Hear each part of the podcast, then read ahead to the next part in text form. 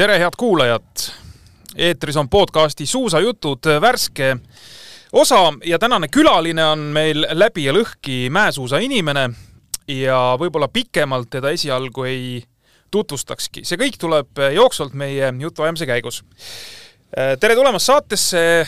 ma loodan, et ma nüüd ei eksi, kolmeteistkümnekordne Eesti meister mäesuusatamises ja viiel aastal Eesti parimaks mäesuusatajaks, meesmäesuusatajat meesmäesuusatajaks valitud äh, Raidar Mesila.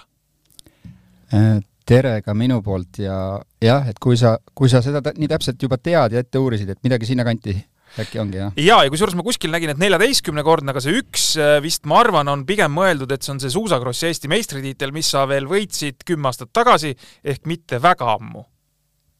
mm,. Jaa, ükskord on õnnestunud seal ka olla? no suusakrossi me täna liiga palju ei puuduta, ma arvan, et äh, pigem räägime mäesuusatamisest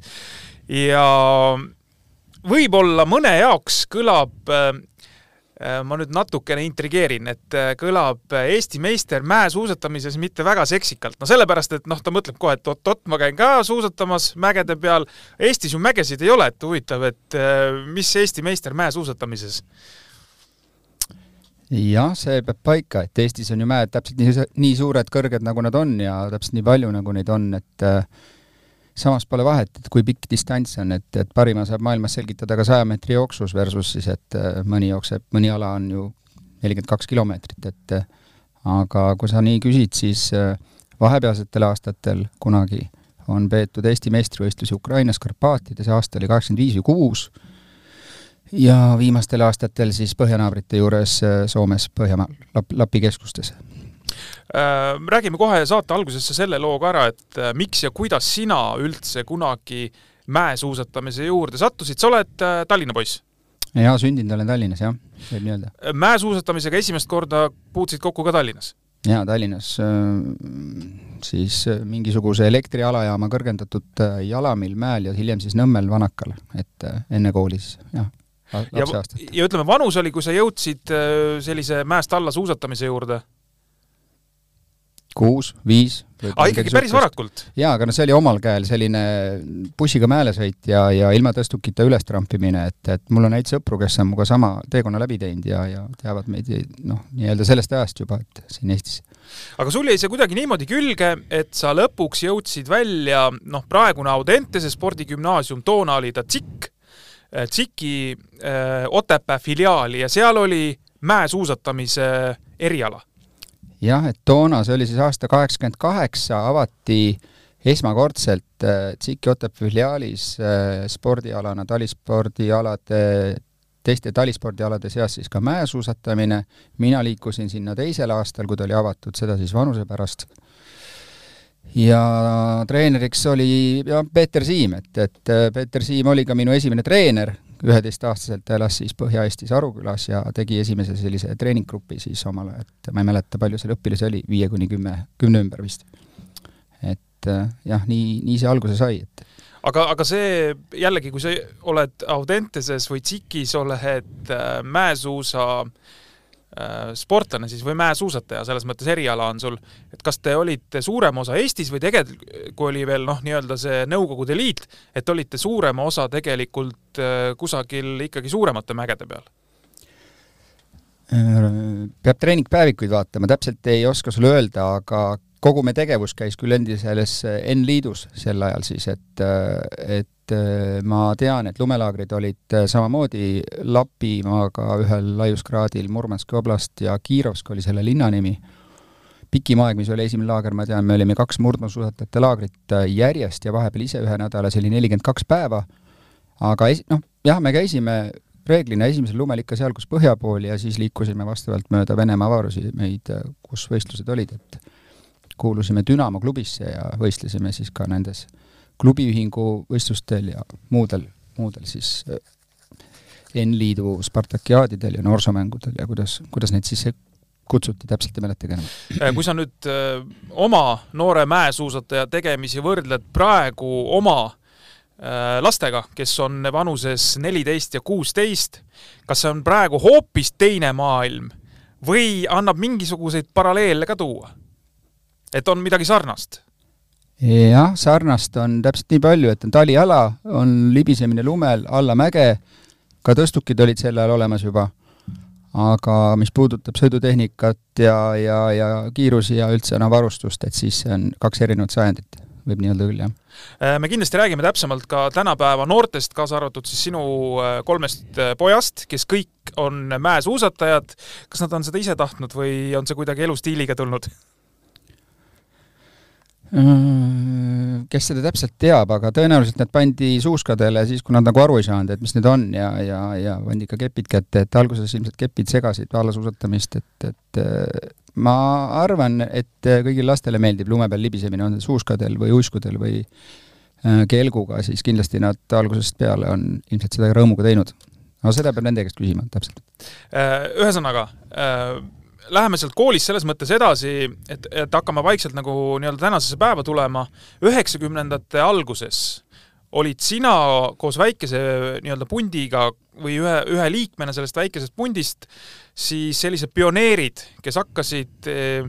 nii-öelda mä-, Eesti mäesuusatamist natukene tutvustama Skandinaavias või selles mõttes, et hakkasite seal käima FIS-i võistlustel ja isegi vahepeal oli selline mõte, hulljulge mõte, et äkki kvalifitseeruks kuidagi olümpiamängudele jah, see mõte ja soov oli Lillehammer üheksakümmend neli, et me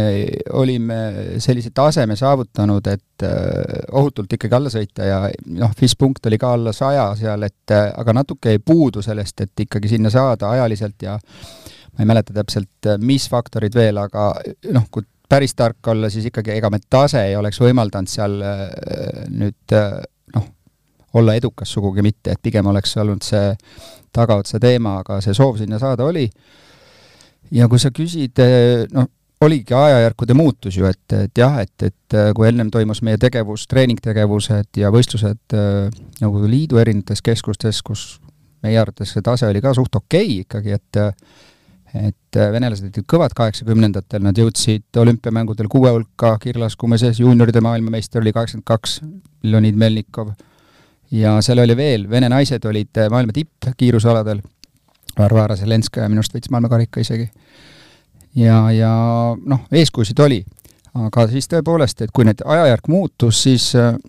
meie teed ristusid sellise tegelasega nagu Tõnu Valdur, kes oli ka spordifanatt ja endine selle noh, ütleme ka tänaseni alafanatt, nii et tema võttis kätte ja paotas meie jaoks selle ukse nagu siis äh, noh, Skandinaaviasse ütleme jah, et laia maailma, et äh, mina ja Indrek Taukar olime kahekesi siis minitiim, kolmene kokku siis. Äh, ja tiirlesite päris mitu hooaega seal või aastat? neli hooaega. no ikka on? no ikka on jah, et, et see algas, algaski ikka koolis käimise aastatel juba ja üheksakümmend ajajärk muutus, üheksakümmend üks ja siis äh, kuni kuni ma käisin juba pedagoogikaülikoolis, toona, toonane peda siis, et siis äh, vastavalt õppetöö ja siis äh, suusatamine käis koos ja et see oli aegade muutus ja neli hooaega oli see aeg, kus me sõitsime siis mööda valdavalt Skandinaavia riike ja neid võistlusi, treeningkeskusi julged sa praegu siin välja öelda mõne sellise tulemuse ka, et mis, mis endale nagu rõõmu on pakkunud või meelde jäänud või, või ütle kas või näiteks Nõukogude Liidu aegadest, kui on midagi sellist ägedat meeles, et äh, nii nagu sa mainisid, et kaheksakümnendatel Nõukogude Liidu mäesuusatamise tase oli väga korralik. Jaa, ma arvan, et ta oli, noh, tähendab, kindlasti oli ta korralik, aga ütleme nii, et ega me mingisuguseid poodiumikohti ei saavutanud ei siis ega, ega ka FIS-võistlustel Norras, Rootsis, Soomes, et äh, pigem oli meie eesmärk vähendada kogu aeg kaotust nagu liidritele, äh, saada vähem tappa sõidus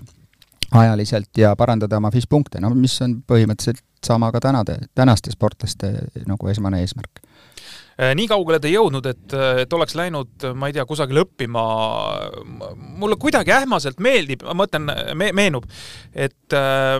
ma olen enam-vähem sinuga ühe, ühe aja mees mm. -hmm. et äh, tegin ka sporti ja siis mulle meenub, et kusagil pakuti a la Norras mingites gümnaasiumites, spordigümnaasiumites kohti umbes, et Äh, minge katsetele ja, ja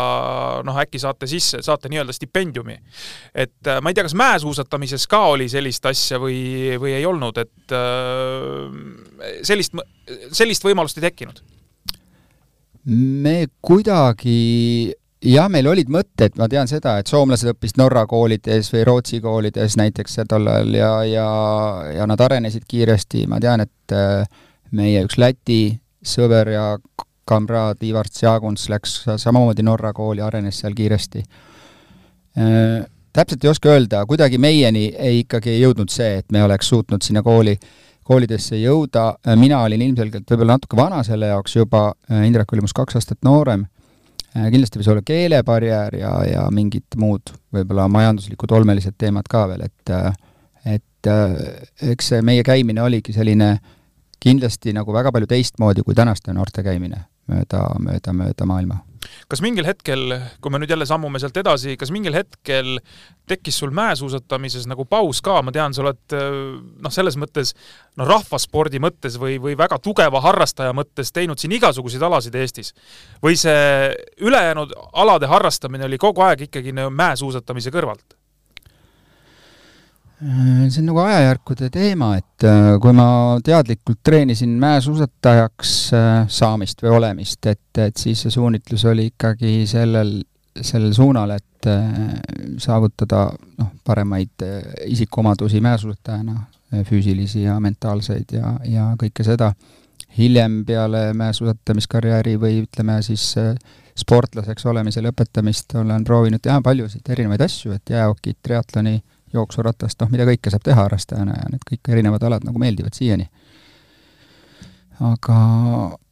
jah, ma arvan, et nii, see ongi see vastus sulle. aga mäesuusatamine selles mõttes ära ei kadunud, et sa noh, nii-öelda lõpetasid sportimise ära nii-öelda tõsiselt, aga mäesuusatamise, noh, mäel tahtsid ikkagi käia?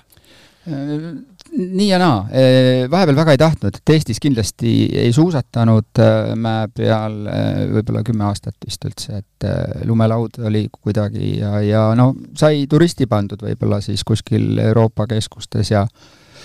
mõnel aastal ka olin tööl turismigruppide esindajana mäesuusareisidel, et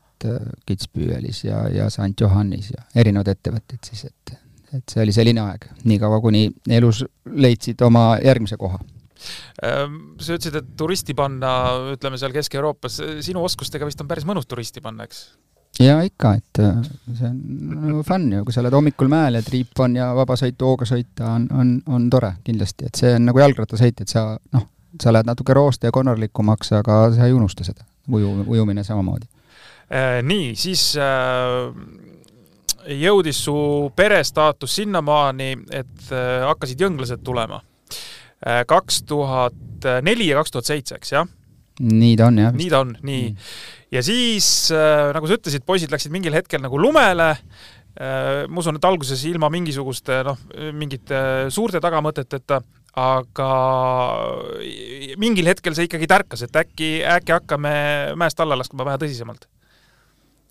jaa, alguses äh, meil ei olnud mingisugust plaani nendega nii-öelda sportida, vaid ikkagi tavaline äh, lastega Eesti pere, kes üritab lastele rõõmu pakkuda ja noh, talv meeldib ju enamustele inimestest, kuigi ma ei tea, noh, mõnedele väga ei meeldi võib-olla, aga meile ta meeldib ja me lastele ka. Ja kuna meil see maakodu on siis sealkandis, kus äh, on palju lund reeglina Lõuna-Eestis ja, ja ka mäekeskused lähemal, siis jah, mm, sinna nad viidud sai, et sel hetkel Rasmus on praegu sul kuusteist, äh, Mikk ja Markus on siis äh, kaksikud ja on neliteist. Äh, tegelikult juba selline vanus, et saabki juba noh, kuidas ma ütlen siis, päris tõsiselt harjutada. ja need on parimad, parimad aastad, ma arvan, et igasuguse selles eas sportlase arenguks ja toimuvadki kõige suuremad muudatused ju inimeses endas, organismis ja, ja seal kupli all ja, ja ka alast arusaamisel ja, ja noh, üldse sportlaseks kasvamisel, et eh, kui seda aega nagu ära ei kasuta, siis seda noh, on raske tagasi saada, seda ei saagi tagasi eh, räägime siinkohal ära natukene üldisemalt ka Eesti mäesuusatamisest. Eh, et ma saan, ma olen aru saanud, jällegi saad mind parandada, et on olemas kolm koondist nii-öelda, noortekoondis, ehk siis ma kujutan ette, see on vanuseni kuni kuusteist, äh, siis äh, juunioride koondis, eks, no see on sõltuvalt jälle, ma ei tea, kaheksateist või üheksateist või kakskümmend või mis iganes, eks, ja siis täiskasvanute koondis, et meil on kolm koondist nagu mäesuusatamises jah, ütleme,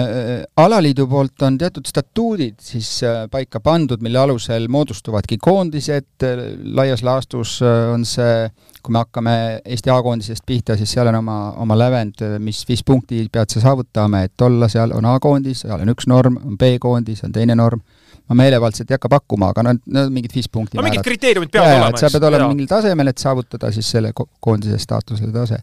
sama on juunioridel, et juunioride koondisesse saada sisse, on sul vaja sõita alla saja kolmekümne viis punkti esimesel aastal, teisel aastal alla saja ja, ja nii edasi. ja noortekoondised on jah, U neliteist, U kuusteist vanuses äh, sportlastele ja seal siis äh, jällegi, et äh, sul tuleks ette näidata teatud tulemused siis teatud võistlustelt mingid punktid, et seal on oma süsteem, on need siis Eesti võistlused või on need siis Baltikumi võistlused või juba rahvusvahelised FIS võistlused noortele nii et igal alal on oma väärtus ja mingisugune koht mingisuguses süsteemis, et ma olen, ma olen aru saanud ka seda, et äh, et tänasel päeval ikkagi on neid noori, kes tõsiselt harjutavad ja kes äh, ütleme siis äh, noh, tõsimeeli kandideerivad sinna koondisesse, et neil on see tahtmine, tase, sihid ja nii edasi kõik olemas. Ja see isegi nagu siin me siin eile rääkisime äh, mikrofonide väliselt, et ütlesid, et võib-olla see mäesuusatamise seis ei olegi kunagi nagu nii hea olnud, et äh, tõesti on selliseid tõsiseid harjutajaid päris palju. ja ma arvan, et kui täna vaadata Eesti mäesuusatamist äh, nagu laias plaanis või üldse läbi aegade, et äh, ma väga täpselt ei tea, mis oli viiskümmend aastat tagasi, ma tean, et seitsmekümnendatel oli häid suusatajaid, naisi, kes olid liidukoondise tasemel ja äärepealt oleks olümpiale saanud, aga poliitilistel põhjustel ei saanud, ma pean silmas Tuuli Kivikangur Truu, võib-olla selline nimi ütleb osadele kuulajatele. ja no vahepeal oli pikk paus, aga täna tänasel, tänases seisus, kus meil on kaks Eesti koondise sportlast, Tiimar Laine, Juhan Luik ja nende, nende ütleme, saavutused või tase, mis nad on maailma mõistes, et äh, sellist aega pole mitte kunagi olnud, meil on neli juunioride koondise liiget, kes, äh, mõned neist õpivad kuskil siis Alpi koolides ja teevad tegusid juba oma esimesel või teisel, ütleme, juunioriks olemise aastal, ja tulla edasi, meil on noortekoondises ka viis-kuus liiget minu teada, kes on noh, harjutavad sihikindlalt, sihipäraselt, eesmärgistatult ja, ja lisaks veel terve ports klubide lapsi, kes igapäevaselt teevad trenni oma treenerite juhendamisel klubides, et et ma arvan, et nii laia, ütleme, sportlaskonda eri vanustes äh, ei ole vist jah, tõesti varem olnud, et ma, ma julgen väita, et ei ole olnud. pluss noh, meeletu arv äh, alaharrastajaid ja muidu fänne, kes tegelikult tõesti sõidavad headel, heal tasemel ja keda tihti nagu siis kor-, kohtub Alpides või kuskil, et et äh, ma arvan, et meil on mingi viisteist, kakskümmend tuhat suusaturisti, kes regulaarselt äh, käivad ei, absoluutselt, ma olen sinuga selles mõttes nõus, et, et äh, mäesuusatamise ise, mäesuusatamine iseenesest on väga populaarne. et äh, käiakse peredega ja, ja käiakse koh niimoodi vaata, et mitte aastas isegi korra, vaid paar korda kusagil äh, sõitmas, eks. et iseenesest see ala on ju väga atraktiivne, see noh, masin viib ülesse ja sinu asi on nagu mõnu tunda ja alla tulla, eks, mööda mäe külge no täpselt nii jah, et, et kui sa noh, see, mis puudutab turistiks olemist, siis, siis ta täpselt nii välja näebki ja, ja, ja reeglina inimesed võtavad seda kui suusapuhkust ja, ja tegelikult naudivadki ja puhkavad siis oma tööst ja kõigest. jaa, täpselt nii on. kas sa, kas sa ütleksid siin äh, kuulajatele ära selle ka, et kus kandis meil siin Eestis siis ütleme, selline tõsisem töö käib, äh, sihikindlam töö käib mäesuusatajatega? Ma arvan, et äh, selliseid lii-, Suusaliidu liikmesklubisid vast on kümmekond täna asutamises ja võib-olla et tõsine, tõsisem eesmärgistatud töö käib äkki viies-kuues klubis võib-olla eri kesku-, eri, erinevates Eesti nurkades ja, ja e, mäesuusakeskuseid, e, kui ma nüüd peast mõtlen, et hakkab siitsamast ju Tallinnast pihta, Viimsi ja Nõmme lumepark, eks ole, ja lähme natuke edasi, on Valge Hobusemäel ma tean keskust, siis on seal Ida-Virumaal Äkkespordi kandi, Äkkespordi seltsi juures, kindlasti, meil jääb vahele Kiviõli, Kiviõlis toimuvad äh, Põhja-Eesti kas seal on praegu kõige pikem nõlv, ongi Eestis nagu Kiviõlis või jaa, Kiviõlis on, on -hmm. pikkuselt kõige pikem nõlv, seal saab vist laste suurslaalomit üle kahekümne sekundi sõita täna, et midagi niisugust. ja noh, Lõuna-Eesti muidugi, et Väike Munamägi, Kuutsemäe, Kütiorg, Viljandis, ma tean, tegutsetakse et nii et neid kohti on. jaa, et põhimõtteliselt siis ikkagi võiks öelda, et kui on nagu okei okay talv, lund on, külm on, siis kõik need mäenõlvad, mis sa ette lugesid, need keskused, need on ikkagi hõivatud ja, ja et, et lund, noh, lumi on ka hea, kui on, aga lund ei olegi vaja, külma on vaja, et iga keskus vajab, ma ei tea täpselt, oleneb keskusest ja nõlvade arvust, et nende noh, operaatorid teavad seda paremini muidugi, aga ma usun, et mingisugune viis kuni seitse ööpäeva korralikku külma ja kõik nad on suutelised täna lumetama oma keskused, et kõik on investeerinud oma ütleme siis jah, mäesuusakeskuse pidamise varustusse ja, ja rajanud vastavad noh, võimalused ja, ja, ja soetanud vahendid, nii et, et külma ilma on vaja ja siis juba kahurid käivad ja, ja lumi kukub taevast.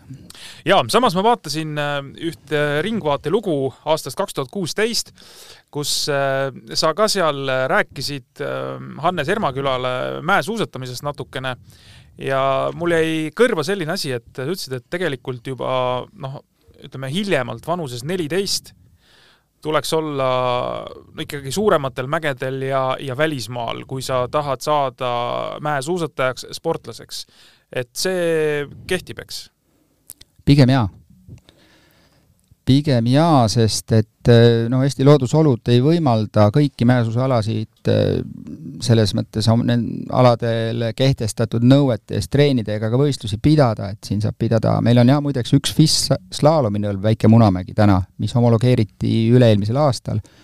see tähendab seda, et seal saab pidada rahvusvahelisi FIS-võistlusi slaalomis, küll kahe sõidu asemel tuleb läbida rada kolmel korral, et see annaks siis vastava pikkuse kokku, et midagi sarnast on mujal maailmas ka tehtud, et Stockholmis ja, ja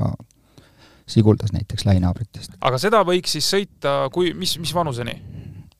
iga vanuseni, aga iga vanuseni, jah? jaa, no treenida mm -hmm. saab ikka, aga lihtsalt see rajapikkus ei võimalda sul ikkagi teha siis mingeid tiitlivõistlusi või mingeid sarju ja noh, pole ka mõtet, et aga su eelnevale küsimusele vastates kas välismaale või mitte, noh juba sellepärast, et loodusolud on teised ja teadmised, know-how ja seltskond on teised, selles mõttes ongi seal noh, sa pead olema seal, kus no, uluma huntidega metsas, et, et, et nii on, et jah. Äh, meil suusajuttude saates on olnud äh, noh, väga minu jaoks, minu enda jaoks väga huvitav vestlus äh, Tormis ja Tiimar Lainega, mis on nagu puhas pereprojekt, nad on kümme aastat olnud Austrias. Nii-öelda, endal tuli mõte, et läheme ja läksid ja, ja jäid nüüd olles natukene kursis sinu tegemistega ja pere tegemistega, siis äh, on ikkagi jälle väga selgelt, et see on nii-öelda selline pere äh, ühine tegemine ja, ja noh, vanemad on nii sees kui, kui sees sellega, et kas, kas mäesuusatamine just eeldusel, et kõik need mäed on meist kaugemal, tähendaks või tähendabki puhtal kujul seda, et see peab olema terve pere projekt kui keegi mulle ütleks, äh, et saab kuidagi teisiti, et see ei ole terve pro-, noh, pereprojekt täna, et äh, ma, ma sa kuulaks, jah? ma kuulaks teda jaa, et, et äh, kindlasti on elus ju muid toredaid asju ka, kui olla autojuht, meelelahutaja, õpetaja, serviceman, kottide tassida, tassija oma, oma lastele, eks ju. aga pigem mulle tundub, et see on, noh, seal ongi kaks varianti, et, et kas see on pereprojekt, sest noh, ütleme mingit klubili, klubilises vormis saab ka see eksisteerida kindlasti, et et või siis teine variant, et see äh, sportlane liigub iseseisvalt kuskile mingis vanuses, kui ta on küps selleks, eks ole, et et äh, jah, sama ju võib erialadel samu nagu paralleele tõmmata, et sa võid olla neliteist ja füüsiliselt valmis nagu olema, aga noh, mentaalselt ei pruugi pruugi sulle sobida, elada võõras kultuuriruumis üksinda ja, ja, ja seal olla, olla tubli ja hästi hakkama saada, et noh, inimesed küpsevadki erinevas vanuses. Äh, sina oled nüüd äh, ütleme, sellist pereprojekti Skandinaaviasse teinud nüüd juba mitu aastat? ma arvan, et meil läheb viies või kuues hooaeg nüüd siis sellel moel, et, et jah, et algselt lapsed, kui olid nooremad, et nad liikusid ringi oma klubiga, suusatasid klubiga, ajaliselt vähem võib-olla lumepäevi ja rohkem Eestis, äh, Eesti mägedel, Eesti keskustes, aga noh, mida vanemaks, siis äh, need äh, noh, nii nõuded kui, kui, kui varustus ja kõik, kõik nagu muutub, eks ole, et suuskade raadiused, radade pikkused, radade kuidas ma ütlen siis, väravate vahed ja pikkused ja see kõik muutub ja seda, sa saad treenida seal, kus on need tingimused, see ongi see vastus sellele, et miks seal tuleb treenida ja käia, sest et noh, normid on sellised. Ja muud moodi ei saa lihtsalt, eks no,? muud moodi jah, jällegi, et kui keegi ütleks, et saaks, et kuulaks, kuulaks hea meelega, noh. Äh, nii, sul on esimene, ütleme siis esimene pääsuke on pesast välja lennanud selles mõttes, et vanem poiss Rasmus on siis nüüd sellest sügisest Äh, kaks tuhat kakskümmend üks sügis on siis Ruga äh, suusakooli õpilane. jah, peab paika, et ta, Rasmus liitus Ruga kooliga selle aasta augustist ja et äh, jah, et see ongi meie selline vaatame, kuidas seal läheb ja kuidas see on, et, et tundub, et on nagu hea kool ja täna on seal head treenerid ja see oli üks põhjus, miks, miks sai valitud see kool ja, ja seal on, mis kõige tähtsam, hea tiim et seal on selles vanuses äh, Soome ühed kõige noh, tugevamad kutid, et selles mõttes on see, see oli üks, üks, üks variantidest selle Rasmus Valistena. jah, ja seda ei maksa karta, et ütleme, soomlased või Soomes ei võiks jõuda tipptasemele, sest äh, Soome mäesuusatamine, eriti slaalomialad, on ikkagi ju olnud äh, juba siin pikemat aega väga tugevad. jah, et kui me mõtleme mitte väga ammu aegu tagasi, siis äh, sellised nimed nagu Kalle Palander, üheksakümmend üheksa aasta maailmameister slaalomis ja hilisem siis äh, maailma karikaetappide võitja või naistest Tanja Poudiainen, et äh, ka maailma karikavõitja, väikse kristallpalli võitja, aastaid täpselt ei mäleta, võis olla neli või viis, midagi sinna, sinnakanti, et jaa, et noh, tänapäeval ju ei ole väga suurt võib-olla vahet, mis rahvusest sa oled, et, et tegelikult on see, et jah, et kas, kui palju sa tahad palju sa tahad ja, ja, ja siis ongi mingid muud eeldused veel selle jaoks vajalikud, et noh, erinevad ressursid siis, mida tuleks nagu leida ja kasutada, et et seesama kahe soomlase näide on ju hea näide, noh. kuigi jah, et Kesk-Euroopa toodab ju neid kindlasti rohkem, eks? kordades mm -hmm. rohkem või Skandinaavias mõni teine riik, eks ole, vähe läänepoolsem riik, et, et aga see on juba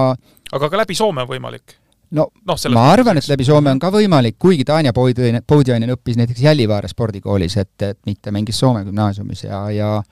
Kalle isa oli samasugune hull, kes vedas Kalle siis, ma ei tea, viieaastaselt mäele või, või ja noh,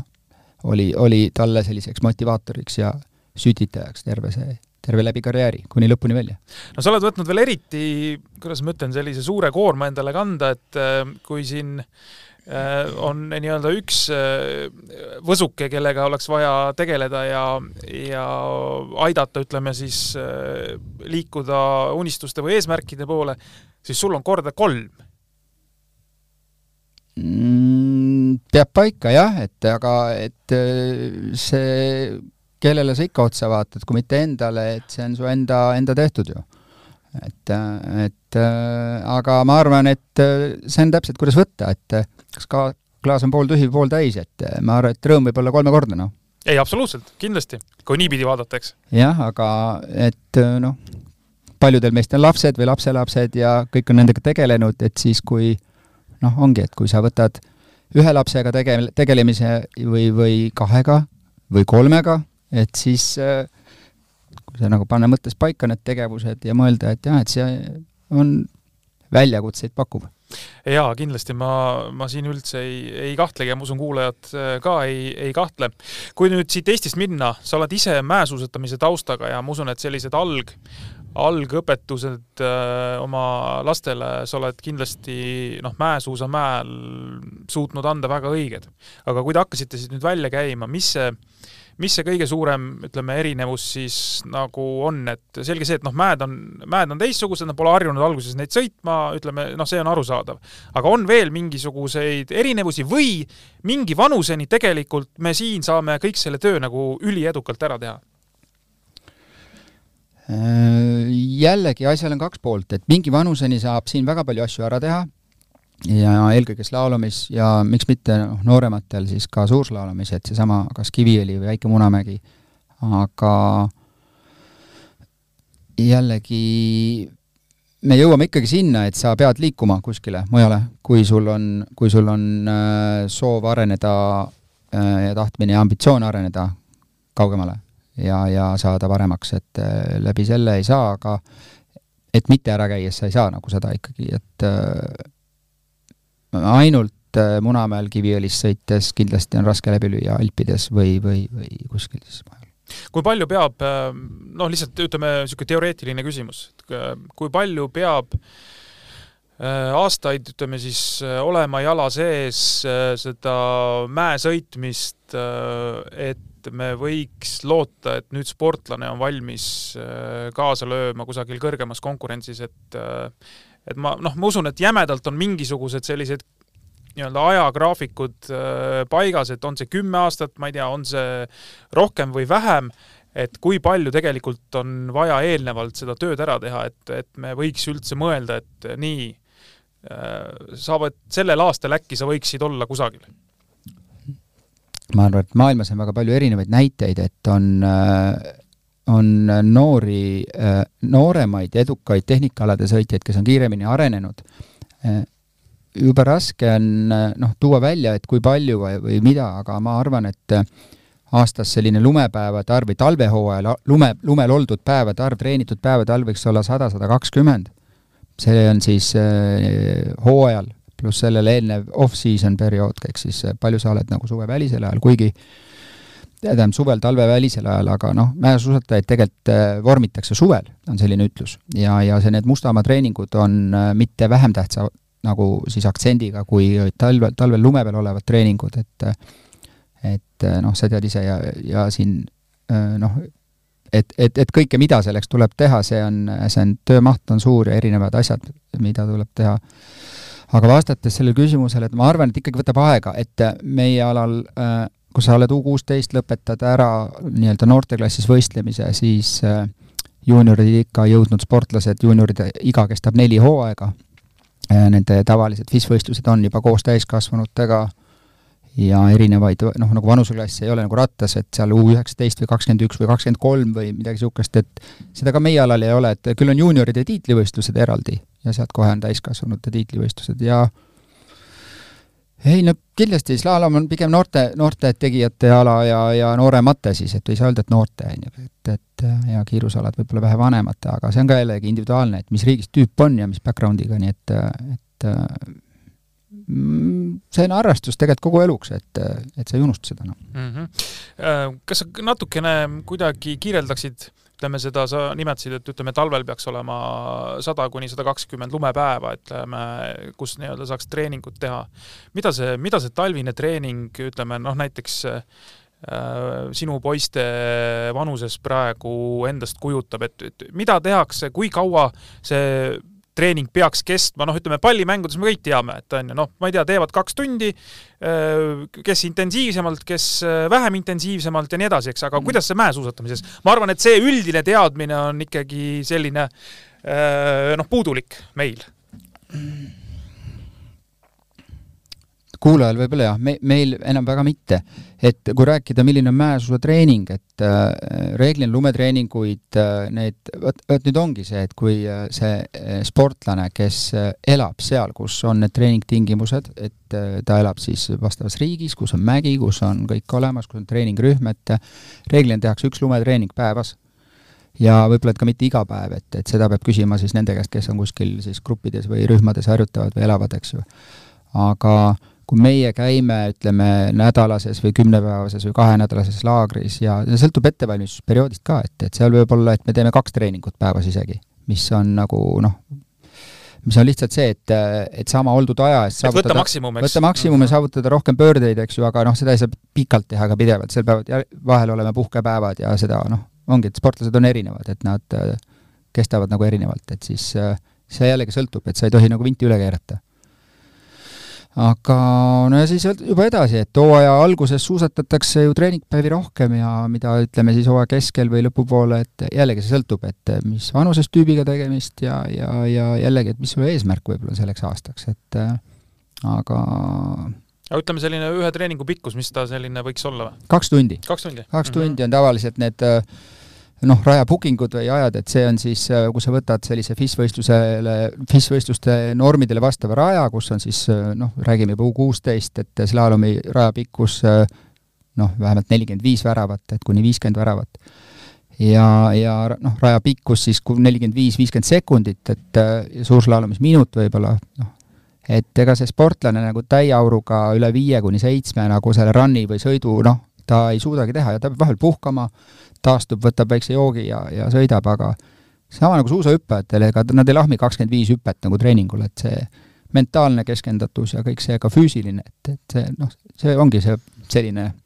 ja, ja see on selline keskmine, jah. fokusseeritud pingutus, isegi me võime siin, ma arvan, paralleeli tuua näiteks noh, kergejõustikuga, mida on võib-olla lihtsam äh, inimestel hoomata, saja meetri jooksjad näiteks. ma arvan, nad, nad ei tee mingisugune sada spurti treeningul, nad, nad teevadki mingisugune, ma ei tea, kümme-viisteist äh, sellist äh, kindla suunitlusega sprinti, eks, ja, ja mm. siis äh, nii on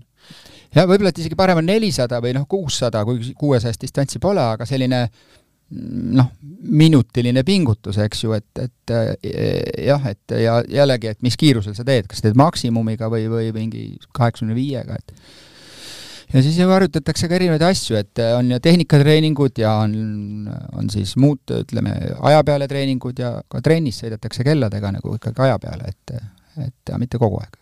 Äh, suvel on siis, sa mainisid korra siin äh, Mustamäel, ma kujutan ette siis äh, kusagilt kas treppidest või ma ütlesin Mustamaa. ahah, Mustamaa, okei okay.. no see on niisugune väljend. aga, aga jaa, okei okay., et äh, kuskile mäkke jooksud, jalad, jalad tugevaks, keha tugevaks äh,, siis jõusaalid, mingid võimlemised äh,, ütle veel midagi, mida te ilm- või mida mäesuusatajad teevad sa loetlesid päris palju asju juba, et kindlasti võimlemine, venitamine on kõige alus, et, et see üks ja, ja, ja samas ka, et sul peab aeroobne foon või aeroobne põhi olema, et sinna peale ehitada, eks ju, midagi, aga kui seda ala nagu mõtled, et millest see koosneb ja kuidas, et siis see on jällegi kompleks väga erinevatest inimese omadustest, et kiiruslik vastupidavus, jõud, reaktsioon et ja noh, siis kes juba spordist midagi teab, et seda võib ette kujutada, mi-, milliste meetoditega nagu neid asju saab arendada, et aga jah, et kõik need asjad, kordushüpped, jõutreening, kiirustreeningud, meie poisid mängivad jalgpalli lapsest saadik, et see veel selline omapära, et siiani kuuluvad Nõmme klubi nimekirja ja küll talvel, talvel siis jah, meil ei on, talvel ei mängi, see on kokkulepe klubiga, treeneritega, aga nad on siiani olnud alati oodatud tagasi aprillis, et, et neile endale meeldib, et kui hooaeg hakkab hooaeg nagu lõpupoole, no hakkab kiskuma, siis nad ootavad, millal murule pääseb jälle, et, et siiani on see olnud selline okei okay,, selline sümbioos kuidas äh, mäesuusatamises toitumisega on? Äh, noh, see on ju füüsikaseadus, et äh, raskem kuul tuleb ju kiiremini mäest alla, eks, et et okei okay,, seal on vaja pöördeid võtta, kõik peab olema balansis ja tasakaalus, aga aga ütleme, eriti kiirusaladel, ega seal ei ole mõtet vist söögiga väga tagasi hoida? jaa, et äh, söök on ju kütus, eks ju, ühtpidi. söök on kütus, aga teatud vanusest tuleb ikkagi targalt sööma hakata ja, ja kindlasti selline äh, siin on meie pereema, ütleme, oskused ja käsimängus rohkem kui minu teadmised, aga kui on valikuline see toidusedel, on kindlasti see on äh, parem kui lihtsalt äh, purksi süüa iga päev või friikaid, et äh, ja noh, suhkur me tea, kõik teame, mis teeb, et. Aga noh, e-, loomulikult see on nagu selline tasakaal tuleb leida, et millisele jõmmile ei meeldi, siis ma ei tea, kändikingi kommid või, või mis iganes muud maiustused, mis on ju saadaval igal pool aga, aga ega vist noorte, noorte hulgas väga, ma kujutan ette, seal ei ole mingit muret, et see pigem tuleb siis äh, juba noh, mingi vanusega on vaja võib-olla seal mingit sedelit sättida või e, ütled sa, et ikkagi pigem tuleb noored paika, siis on lihtsam? no et see sõltub, mida see noor teeb ikkagi mm, -hmm. vaata, et, et kui ta äh, kui ta teeb teadlikult äh, teatud suunitlusega treeningtööd ja, ja siis see keha tahab ju lisaks taastumisele saada sedasama ainet, et millest siis jällegi noh, midagi vormida, eks. jah, millest jah, ju juurde panna. okei okay.. Äh, kas Eestist äh, ikkagi põhimõtteliselt saab tulla mäesuusataja ainult slaalomialadele või noh, kuidas ma ütlen, on, on äh, noh, nagu tõe, tõenäoline, et tuleb slaalomialadele, et kiirusaladele Eestist jõuda kusagile on noh, võimatu? Äh, miski pole võimatu, küll aga võib-olla keerulisem slaalomtreeningute ülesehitus läbiviimine on lihtsam, äh, kiirusalade treeningute ja läbiviimine on keerulisem, seal vastavad rajad peavad olema, sa pead siis asuma seal, sa pead liikuma vastava tiimiga, mäesuusatamine üldse on tiimsport ju, et äh, üksi oled sa ainult siis, kui sa paned kepid üle stardi, stardi noh, pulga siis nii-öelda, et siis sa oled üksi. kõik muul ajal sa oled, äh, sa oled äh, tiimiliige. sa ei saa seda üksi teha. Sul peab olema treener, taustajõud, tiim ja, ja kui sa küsid kiirusalade kohta, siis jah, et kiirusalad eeldavad lisaks oma, ütleme, kõrguste vahele ja nõlvale vastavalt turvameetmeid, ohutusvõrgustus, võrgustust, eks ole, kõik on näinud kiirlaskmisvõistlusi, millisel rajal need te-, teha, noh, nii-öelda läbi viiakse ja selleks, et seda ala treenida, sul peavad olema ju sama, sama, samasugused tingimused loodud, et see eeldab siis nende radade book imist, et äh, see rada on treeninguteks suletud võistlejad, noh, turistidele ja muudele no tõmbame no, paralleeli siin, ütleme, autoralli mingisuguse testisõiduga või testikatset, nad käivad lihtsalt nagu nii-öelda sõitmas, äh, testivad autot, eks on ju mm., ja, ja põhimõtteliselt sa pead terve raja samamoodi kinni panema, kui sa noh, nii-öelda harjutad seda no, kiirlaskumist näiteks. jaa, sa ei saa ju minna mm -hmm. täna kui keegi on raja peal ees, eks on ju. no jaa, et Ott ei lähe ka ju vabakale no, vabakale praegu rehve testima, et äh, selles mõttes äh, jah, et sa ei saa turistinõlvale ju treeningut läbi viia, et see on äh, noh, ei olegi mõeldav, et see ei, nii ei tehta, jah. isegi kui slaalomtreeningud on, need rajad on suletud, see nõlv seal kellaajal turistile, et kõigis keskustes jaa, äh, need on muidugi, ma siin äh, Tormise ja Tiimariga ka rääkisin, siis need, need on ikkagi parajad hullud, kes sealt kiirlaskumistes äh, nii-öelda maailma tippu kuuluvad no sa lendad põhimõtteliselt vahepeal nii nagu suusahüppaja. ta, tahad veel seda hüpet nii-öelda alla tuua, eks, et võiks veel kaugemale lennata ja kõik need kurvid, värgid sinna juurde, et see on ja, nagu arusaamatu. ja no nii on ja see füüsika, et kui sul on kontakt lumega, siis toimub libisemine ja kui oled õhus, siis toimub pidurdumine, et õhu vastasjõu mõjul, et, et see selleks, aga ja need tüübid on veits, veits vähe teisi, tei-, te, teise natuuriga, et et äh, aga ma arvan, et miski pole võimatu, kui panna Eesti soost kutt elama, harjutama, luua, luua need võimalused, et ta ongi näiteks noh, mis iganes, no mingi riigi Šveitsi või Prantsuse kiirusalade tiimis ja tal on kõik võimalused noh, looduslikud ja julgus ja, ja ütleme,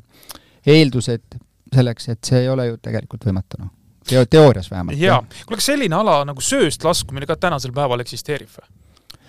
ta ikkagi vist eksisteerib jah, küll aga nišialana küllaltki, et ta vahepeal toodi ju äh, lausa olümpiamängudele toodi ta, näidisalana, eks jah, Albervillis oli ta ja. näidi, näidisalana kavas ja, ja, ja üks eestlanegi seal osales. Aare Tamme, eks? Aare Tamme käis ja. seal ja tema seda ala siin viljeles koos Priit Tammemäega ju üheksakümnendatel ja need kaks hullu olid, kes ka üle kahesaja sõitsid. see on mingi oma seltskond, kes seda teeb, et et jah, kuskil sõidetakse ja päris kiiresti, vist kakssada viiskümmend viis on maailmarekord täna või ma võin eksida, noh. no numbrina ta ei kõlagi nii hirmsalt, aga kui sa pead samal ajal olema suuskade peal, siis oi-oi-oi-oi-oi, et see jah, võib olla päris hirmus. Ehm, varustuse juurde korda kolm, me, me, ma tahaks nüüd jälle selle juurde tulla, et sa lähed siis võistlustele kusagile, sul on äh, piltlikult öeldes furgoon on maast laeni varustust täis Mm, noh, furgoon jaa, selle kap-, kubatuuri mõistes jaa, et meil on selline sõiduk, kus, äh, kuhu me enam ei mahu ära oma asjadega, meil on treiler kolme poole meetrine, seal treileris on treenimisvahendid, rajakepid,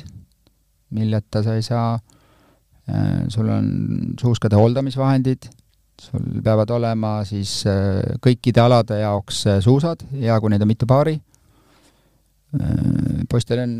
on õnnestunud omada mitut paari tänaseks juba, noh, sul on võistlussuusad ja stardisuusad või pehmemad suusad või jäigemad suusad ja eri vanustes äh, pannakse ka natuke erineva trajektooriga suurslaalomil radu, radu, et sul peavad olema võib-olla jah, kaks erineva parameetriga suuska natukene.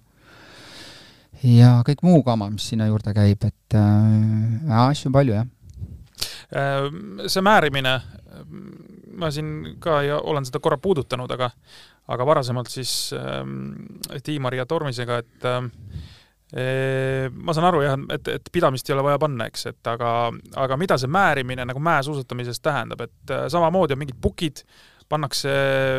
nii-öelda libi, libisemismääret alla, tehakse veel viimased asjad, ma ei tea, enne, enne starti või, või mingit sellist asja seal ei ole, ütleme noh, nii nagu murdmaasuusatamises tullakse veel, ma ei tea, mingi ilm natukene muutub, võetakse uus paar, kümme sekundit, no okei okay,, natuke liialdan, minut enne starti ja ja tehakse kõik otsused ümber. kas, kas mäesuusas on ka mitu erinevat, ma ei tea äh,, libisemise varianti ja siis äh, tehakse mingi otsus? No kindlasti on see, jah, kindlasti on see niimoodi, et eh, kõik, mis toimub lumel ja libisemisega, eh, kui sa üldse ei tee oma suuskiu, et nad libiseks, siis sa oled ju ette ära andnud kellelegi, sest et kõik teevad ju. isegi lasteklassides seda tehakse paraku. kuigi ma olen sügavalt seda meelt, et eh, võiks olla nii, et kõigil on base, mingi parafiin ja see on must, et see, et ei jää selle taha, et vähemalt laste- ja noorteklassides, et las parem sõitja võidab, aga noh, nii see on läinud ja jaa, et, et suusad pannakse lisaks, et kandid on teravad, äh, sa pead selle eest hoolitsema, kandid on teravad ja ühtlaselt äh, sa pead hoolitsema selle eest, et su suusad ikkagi libiseks ja noh, vesi, vesine ilm nulli ümber ilm, nagu täna Tallinnas, eks ju, või siis miinus kakskümmend viis, et erinev lumi, erineva struktuuriga lumi ja erinevad asjad panevad selle suusa libisema. noh, meil, meil ei ole erineva ilma suuski libisemiseks, et meil on natuke erineva äh, erinevad äh, jah, suur, suurslaalomsuusad on erineva pikkusega suusad tänases vanuseklassis ja, ja, ja slaalomsuusad on lihtsalt, on stardisuusad ja, ja, ja, ja treeningsuusad, et, et äh, mitte nagu siis võib-olla tormisel, et aga noh, see, see, see ei olegi elementaarne praegu, et, et pigem on rõhk nagu muul. aga jah, suusad valmistatakse võistlusteks ette ja treeninguks ka, et et see võtab oma, oma aja ja see on terve teadus kui te nüüd äh, käite oma perega seal äh, Skandinaavias võistlemas, äh, kus kohast, kus kohast te taseme poolest nagu asetsete, et olete te pigem seal esiotsa peal sõitmas, oleneb see, ma ei tea, mingitest võistlustest, kindlasti on mingi kõvema kategooria võistlused, madalama kategooria võistlused, et kui ütleme, te käite praegu seal Skandinaavias nii-öelda ennast võrdlemas, et kus te asute? Äh, see on selles mõttes hea küsimus. Äh, kindlasti ma ei taha äh, üle push ida oma laste isana nende saavutusi, pigem ma üritan olla, jääda tagasihoidlikuks. ma arvan, et nad on okeil tasemel, olenevalt riigist ja olenevalt seltskonnast, kes kokku koguneb, on läinud nagu erinevalt, et on äh, on tulnud palju poodiumikohti poistel ja on, on olnud ka võistlusi, kus me ei ole võib-olla olnud isegi kümne sees, see sõltub õudselt noorteklassis, kas sa oled esimese aasta jõmm või teise aasta jõmm, et äh, seal vastavalt su sünniajast ka, et aasta lõpus, aasta alguses sa võid võistelda sisuliselt kaks pool aastat vanematega ja selles vanuses ongi, et äh, mõned on veel lapseohtu, teised on suuremad, eks ole, et. Aga, aga ma sinu jutust praegu nagu niimoodi üldmõistena loen välja, et midagi häbeneda ei ole? Äh, pigem mitte, jah pigem mitte, et äh, naaberriikide parematega me suudame konkureerida, äh, me ei ole võrrelnud ennast saanud tänu Covidile sõita võidu viimasel kahel aastal ei Rootsis ega Norras, äh, ma tean rahvusvaheliste võistluste pealt, et Soome noored parimad kutid, kellega me oleme võidu sõitnud, sõidavad vanuseklassides U neliteist, U kuusteist Euroopa tasemel, tasemel parimatega võrdselt. et, et, et noh, saame näha, kui võistlusi tuleb, et kindlasti me läheme. Äh, Tormis Laine on olnud siis sellisel tasemel, et tema on juba tiitlivõistlustel, juunioride tiitlivõistlustel äh, mõelnud medali peale, medalit ei ole küll tulnud, aga ta on oma tasemelt olnud noh, seal lähedal, selles mõttes, et seal ei ole palju puudu olnud. Äh, teil, ma usun, samamoodi, kes nüüd siit altpoolt nagu noorematena tulevad, ka eelkõige ikkagi ju, ega te ei vaata kohe täiskasvanute poole, vaid ikkagi ütleme, sellised tiitlivõistlused, kas noortele on, ma ei tea, aga juunioridele kindlasti on, et et, et ütleme, selline kas esmased eesmärgid on seotud juunioride tiitlivõistlustega? noh, es-, esmane eesmärk võib-olla võiks olla, et nad õpiksid äh, baastehnika sellisele tasemele, et seal on, et seal ei ole nagu noh, et seal kõik oleks väga okei okay. ja loomulikult, et sportlane ja noorsportlane on ju ambitsioonikas, sa pead talle äh, looma võimaluse enda, väljaelamiseks ikkagi ja noh, võistlus on ju parim koht selleks, et võistlus on nagu pidupäev, et, et sa saad, saad võib-olla siis õnnestumise korral nautida neid vilju, mis sa oled treeningutel vaeva nähes noh, nii-öelda trügades siis noh, kulutanud, eks ju, ja või siis vastupidi, saad tagasisidet, et kus ja kui palju sul arenguruumi või arenemisruumi on veel, et mõlemad on omamoodi head, ma arvan aga jah, lastele, ütleme last, lapsed, nimetame noorteks neid, et nad ei ole enam lapsed, U neliteist, U kuusteist, et äh, noored mäesuusatajad, äh, nendel on rahvusvahelisel tasemel, nimetame, need nimetatakse noorte FIS-võistlused, neid on eri riikides, äh, noh, Skandinaavias, Tärnabis, Soomes, Soomes on, Roo-, Rootsis, Norras ja, ja siis kindlasti Euroopas erinevates riikides, et Prantsusmaa no,, Andorra, Austria ja et valikute küsimus, et noh, kõigil sa ei jõua käia, ei peagi käima, et aga noh, kui aastas mõnel käid, siis saad nagu pildi, pildi ette, et kus sa oled parasjagu ja hiljem, noh, hiljem siis elu, elu, elu ju näitab, et kui sa tahad nagu seda asja eda-, edasi teha, et, et murdepunkt ongi peale kuuteteist. et äh, see on, see on see aeg, kus väga paljud loobuvad äh, juba elulistel põhjustel, et äh, noore ees on siis õppimisvalikud tekivad, mis ta oma eluga üldse peale hakkab, eks ju, kas tast saab, kes tast saab, et kuhu ta siib, et millisesse ülikooli, kas, kes Harvardisse, kes Tartusse, on ju kes kellukooli, noh, ega ei, absoluutselt, kõike on, kõike on vaja. kõik ametid on head ju, on ju, et ja. ja siis ongi, et kui sa valid nagu tippsportlase tee, et siis sa pead nagu noh, siis on sul, siis on sul oma tee käia, et siis sa pead vaatama, kus sa seda paremini saad omandada, noh. Praegu sa seda kellunalja noh, nii-öelda tegid, siis kas Herman Maier ei olnud ka kellumees või? võib, võib-olla, võib-olla, võib-olla oli kuskil mingis vanuses või ei, ma ei tea, ma tõesti seda ei tea, aga aga see on, see on niisugune meie pere inside joke. jaa äh, mul su pere kohta on kohe küsimus nende poiste osas, ma, aga ma tahaks enne ära põigata selle küsimuse, et et kaksikute poiste osas, selle küsimuse, et kas sul poistel on ka mingisugused, ma ei tea, kindlad eeskujud, noh, nad kindlasti teavad, jälgivad mäesuusatamist ka tipptasemel, et kas on mingid sellised persoonid, kelle moodi nad tahaks olla?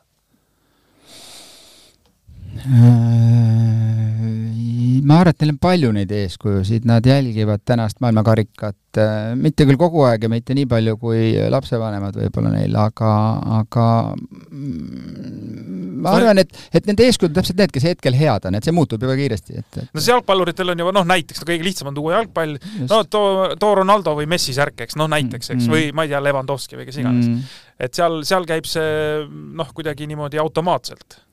ja käibki ja ma mäletan mõned aastad tagasi, kui nad nooremad olid, vaadates vuti mingit, ükskõik partsa või kelle vahel, et siis äh, ma olen selle poolt, ma, ma olen selle poolt, on ju, aga siis, kui seis läks nagu null-kaks, siis aga kuule, ma olen ka selle poolt, on ju, et noh te,, teatud vanuses on väga lihtne iidoleid äh, muuta, et äh, Need, kes võidavad. jah, jah, et need, kes võidavad ja eks, eks äh, eks nad jälgivad nagu ja, ja, ja võib-olla elatakse kaasa rohkem äh, nendele kuttidele, keda teatakse, et, et isegi, isegi siis noh, soomlasi me teame ja soomlaste poolt nad on, et kuigi need tänased võib-olla noh, ei ole veel kuskil väga, väga nii kaugel kõrgel ja noh, kindlasti me hoiame Tormi selle pöialt, et tema on nagu siis selline meie number üks, üks sõitja, keda, keda me ootame ja loodame, et ta ikkagi lähiaastatel läbi lööks, noh. Ehm, kaksikute kohta tahtsin küsida sellist küsimust, no mingi rivaliteet ju peab seal olema või nad on tõesti siis omavahel noh, ma ei tea, nii hea läbisaamisega, et ainult hoiame pöialt ja mingit mingit noh, sellist hõõrumist ei teki, sel-, selles mõttes hõõrumist, ma, ma ei pea jälle silmas mingit halba hõõrumist, aga noh, et noh, ikka tahaks nagu, vennale tahaks nagu ikkagi ära teha, et äh, ku-, kuidas see käib? Täpselt nii käibki, nagu sa ütled, et kõige suurem konkurent on oma vend täna. et nad on väga head sõbrad ja äh, mängu- ja teekonnakaaslased, aga nad on ka äh, väga pettunud, kui nad saavad finišis teada, et vend, ta jäi, ta jäi vennale mhm. alla mm. -hmm. on olnud tihti olukordi, kus nad sõidavad äh, sajandiku pealt ühe aja, on õnneks olnud mõned korrad, kui nad on mõlemad poodiumil, ma mõtlen Eestist väljas siis, ja Mm, see on nagu, see on väga okei okay,, et nad on head treeningpartnerid ka üksteisele, et ja mida rohkem nagu, nagu elus arenevad ja siis teadmisi juurde tuleb, oskusi, et ma arvan, et äh, ka tugi üksteisele saab olema tulevikus. ja noh, varsti kõik kolm tegelikult vahet pole, et kui nad on FIS vanuse sportlased, siis on neil ja hakkabki omavahel konkureerima kõik, eks on ju, noh, nii-öelda mingis vanuses ju kas või seesama, kui juunioride vanuseklass näiteks kätte tuleb. jaa, kindlasti, et, et, et tuleb see aeg õige pea. jaa. Äh, hakates nüüd vaikselt juttu koomale tõmbama, et mis need, äh, mis need eesmärgid siis äh, teil on, ma, ma saingi aru, et noh, eesmärk on kõik see nii-öelda tehnika omandada ja võimalikult palju suusatunde ja, ja nii edasi ja nii edasi, aga ma, ma ikkagi kujutan ette, et, et praegu nii-öelda selline pikk, pikk visioon on ikkagi see, et jõuda noh, maailma, maailm, kas nüüd öelda maailma tippu, eks on ju, aga ikkagi no nii kaugele, kui vähegi saab? Ma arvan, et nojah, et tegelikult peab seda poiste käest ju küsima, eks ole, et nende vanemana võib vanemal olla üks visioon ja, ja sportlasel oma visioon, aga laias laastus need vist ikkagi ühtivad, et äh, väga raske ja võib-olla isegi nagu noh, lubamatu oleks mingit, midagi lubada või tahta, et unistada tuleb suurelt, see on fakt, eks ju, aga tuleb olla ka realist. See, et kas eestlane võidab kunagi maailmameistritiitli või olümpiakulla, jällegi teoorias see ei ole ju välistatud, et, et aga see on väga pikk ja raske tee. kuulumine mõne riigi esindusvõistkonda, mis iganes vanuses, on juba stiimul meie sportlastele, noh, meie noortele vähemalt, kuulumine, jõudmine täiskasvanus, täiskasvanute tiimi võiks olla üks eesmärk. ja võib-olla, et äh, kui sama nimega nagu ütleme, tiitlivõistlustele jõuaks sama nimega kaks sportlast või, või, või samas vanuses kaks sportlast üheaegselt, et kunagi kaheksakümnendatel olid poolatarid, Tlalka oli nende perekonnanimi, ma ei mäleta eesnimesid, et kaksikud õed sõitsid slalli olümpial ja MK-l et äh, noh, see, see oleks nagu no õde-vend on ju siin, ka Kostelitšid näiteks on mingil hetkel Horvaatidele on ju sõitnud no, ja aga, aga äh, tuleb nüüd, äh, no jälle niisugune lihtsalt enda jaoks arusaamine, ma usun ka kuulajal huvitav. tuleb keegi, no tuleb mäesuusafanatt, rahakas mäesuusafanatt, ütleb, või küsib õigemini, et nii, palju teil vaja on äh, raha, et te saaksite muretult teha ettevalmistust, kõik, kõik vajalikku, mis noh, üldse vaja oleks teha, ta annab endale aru, et kunagi ei ole garantiid, et keegi jõuab kuhugi, mis iganes. näed, ma panen mingi summa, et äh, saaksite järgmised neli, viis, kuus aastat äh, sihikindlalt tööd teha kõikide võimalustega. mis summadest me räägime? Äh,